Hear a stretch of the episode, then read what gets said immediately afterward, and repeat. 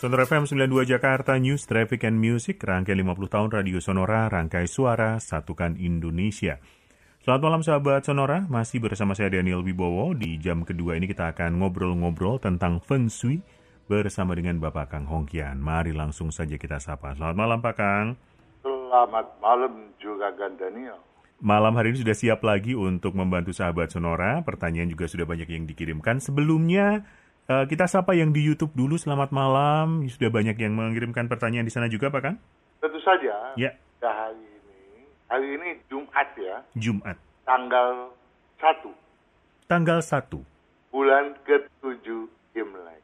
Uh, apa namanya, Pak? Bulan ke-7 Imlek. Cit gue. Cit. Luar biasa. Ada contekannya ini tanggal-tanggalannya. Dan katakunya, mm -hmm.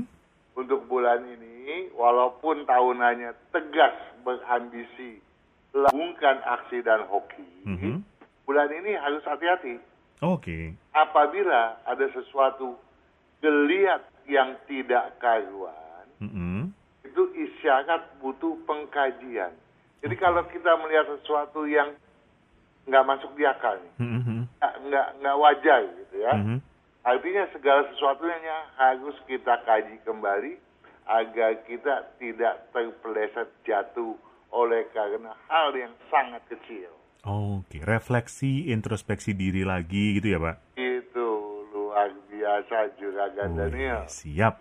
Ya, dan di bulan pertama di hari uh, Cip Gue Pua, mm -hmm. ya, yang juga dikenal sebagai uh, bulan Cioko, ya, bulan kasih sayang namun juga bulan hantu. karena oh, bagi-bagi sayangnya karena banyak bagi-bagi sumbangan ya. Banyak bagi-bagi hadiah karena pada bulan ketujuh Imlek adalah perayaan di mana sebenarnya para petani itu mm -hmm. merayakan hasil panen yang melimpah ruah. Oh, iya iya iya. Dasar pemikirannya. Mm -hmm. Ya, walaupun disebut sebagai bulan hantu gentayangan, mm -hmm. tapi pada bulan tersebut banyak uh, dermawan yang ber, apa, ber, melakukan amal kebajikan. Ya, ya, ya. Nah, kita untuk itu di bulan per, uh, di tanggal pertama bulan ketujuh Cip gue ini saya mau membahas ada enam hal yang kiranya penting untuk kita kaji juga kan Daniel. Baik eh, keenam itu yang pertama adalah walaupun tambah pintu, tetapi itu pintu dimatikan kembali. Yang kedua, mm -hmm. menembakkan saci energi negatif mm -hmm. ke seantero rumah. Mm -hmm. Ketiga, jodoh jauh, pelecehan kerap mengintai. Wah, jodohnya jauh. Waduh. Ecekan juga. Iya, iya, iya. Pertentangan yin yang dalam keluarga. Mm-hmm. Memberdayakan hoki di depan rumah. Hoki udah di depan rumah, harus bisa kita berdayakan dong. Ya. Iya dong, dibawa masuk dong hokinya. Betul. Nah, yang terakhir, kalau keburu waktunya, masuk dan keluar sama-sama banyak. Nah. Oke, saya bahas yang pertama itu pertanyaan dari juragan hoki, Airpon Toluli. Baik. Pada video tanya jawab ke-34 mudah sakit dan kurang beruntung. Mm -hmm. Selamat siang Pak Kang. Saya mau bertanya. Rumah orang tua saya awalnya menghadap barat. Oke. Okay.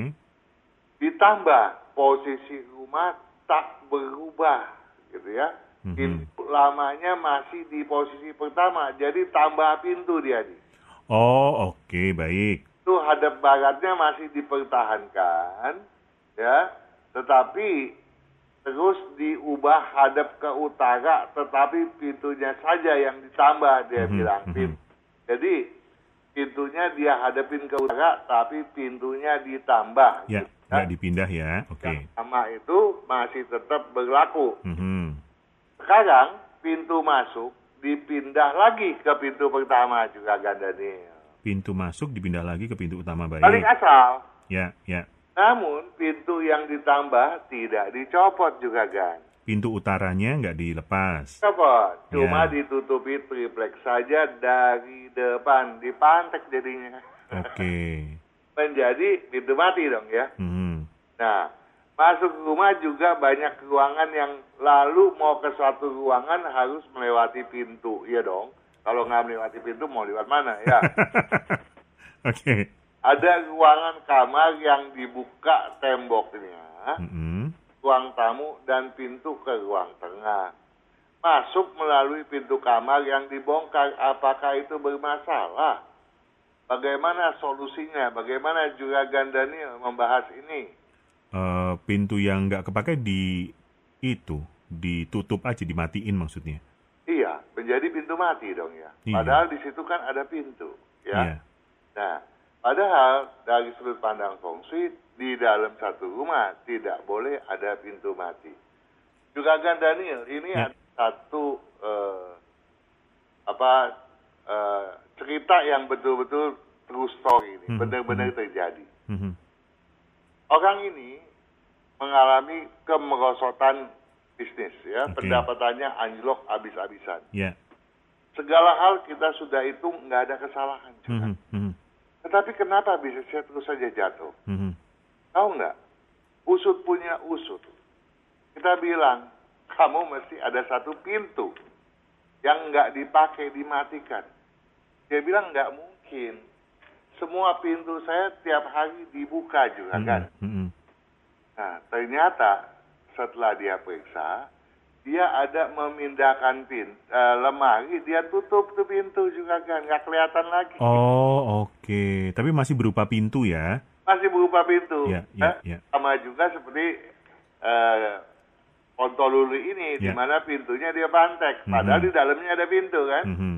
Nah, jadi kalau kita berkaitan tadi dia bilang rumahnya menghadap ke barat. Toh Mhm. kita nggak akan mempersalah, mempersoalkan ke barat itu betul atau tidak, karena Ya. dia tidak melengkapi data kelahiran Betul. keluarga ya. Betul. Dan kali kalau mau bertanya soal itu, Pak Juragan Pontoluli sebaiknya membuat WA langsung ke 0812 112 9200 Cakep.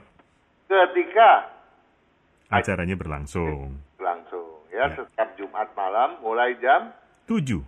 7 malam. Yes. Nah, nah, rumah yang ada barat dengan pintu mati pada satu sisi yang menghadap ke utara itu kan Mhm. dimatikan sama dia. Betul. Dampaknya apa? Eh, Kita melihat bagian depan rumah nih juga kan. mhm. Bagian kita lihatnya bagian depan aja nih ya. Ya. Bagian depan kita belah menjadi tiga bagian. Misalnya Hmm. lebar rumah itu 9 meter deh. Oke. Kita bagi menjadi tiga. Tiga, A, tiga, tiga. Mhm. A, B, C. Kita lihat dari dalam ke depan nih. Mhm. Kan ini barat ya. Kalau depan itu barat, maka kiri depan itu adalah barat daya dong. Iya. Depan barat, kanan adalah barat laut toh. Betul. Nah, di mana pintu itu berada? Apakah ada di posisi barat daya? Apakah di barat? Ataukah di barat laut? Ini berbeda eh, dampak buruknya. Mhm. Tapi semuanya berdampak buruk. Oke. Ya, kalau dia di barat daya nih, juragan, Ya. itu peluang bisnis rezeki di depan mata tuh mudah raih begitu aja. Oh, oke. Kalau hal ini terjadi, jangan heran. Itu dampak daripada kekeliruan tadi. Ya. Mhm. Mhm. Nah, kemudian masalah spiritual dalam konteks ini misalnya kita kaitkan dengan sopan santun, itu Mhm. malah makin lama makin menipis dan terganggu. Ya. Gangguan kesehatannya pada mata, lever, empedu bisa sampai ke lambung. Kalau ada di barat nih, di tengah-tengah pintunya yang ditutup mati yang menghadap ke utara itu, Mhm. ya adalah di tengah nih, di barat nih, Mhm. tapi menghadapnya kan ke utara ya Betul.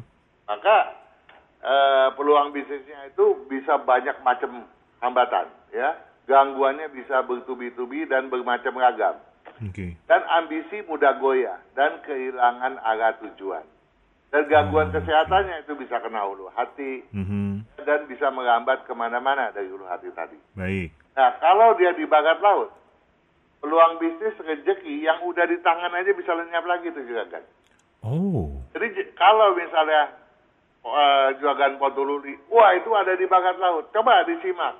Itu rezeki di depan mata, bahkan yang udah di tangan bisa kain gitu. Hmm. Nah ambisinya bisa mengalami luar biasa ekstrim sehingga bisa menjadi obsesif. Nah, obsesif kan suatu yang nggak masuk di akal dong, ya. ya. Bisa jadi kepala batu, maunya sen, eh, maunya santai tapi maunya dapat uh, yang luar biasa besar. Gitu. Banyak bayangan-bayangan gangguan maunya cepat kaya gitu. Nah gangguan kesehatannya itu bagian dada dan bagian tangan ya. Nah dia bilang banyak pintu kan tadi dia bilang ya, ya. ya untuk menembus ini sana. Ya banyak pintu sih nggak masalah ya tidak melanggar uh, ketentuan asalkan pintu tersebut memang mempunyai fungsi terhadap ya, ruang tertentu dan tidak melanggar pantangannya. Hmm. Ya jadi kalaupun kemudian ada pintu yang dibongkar untuk pintu kamar untuk akses tertentu, sepanjang dia tidak melanggar pantangan, ya tidak masalah. Nah untuk yang satu ini saya minta kita berharap juga Gan Pontoluli tentu saja menyimak semua video yang sudah kita upload khususnya mengenai pintu. Jadi ada nggak pantangan yang dilanggar? Ya, ya. Baiklah. Terima kasih sekali Pak Kang, sehat-sehat selalu. Kita ketemu lagi minggu depan. Selalu sampai minggu depan. Selamat malam. Selamat malam juga untuk Anda sahabat Sonora. Demikian Feng Shui malam hari ini. Kita ketemu lagi minggu depan. Saya Daniel Wibowo. Sampai jumpa.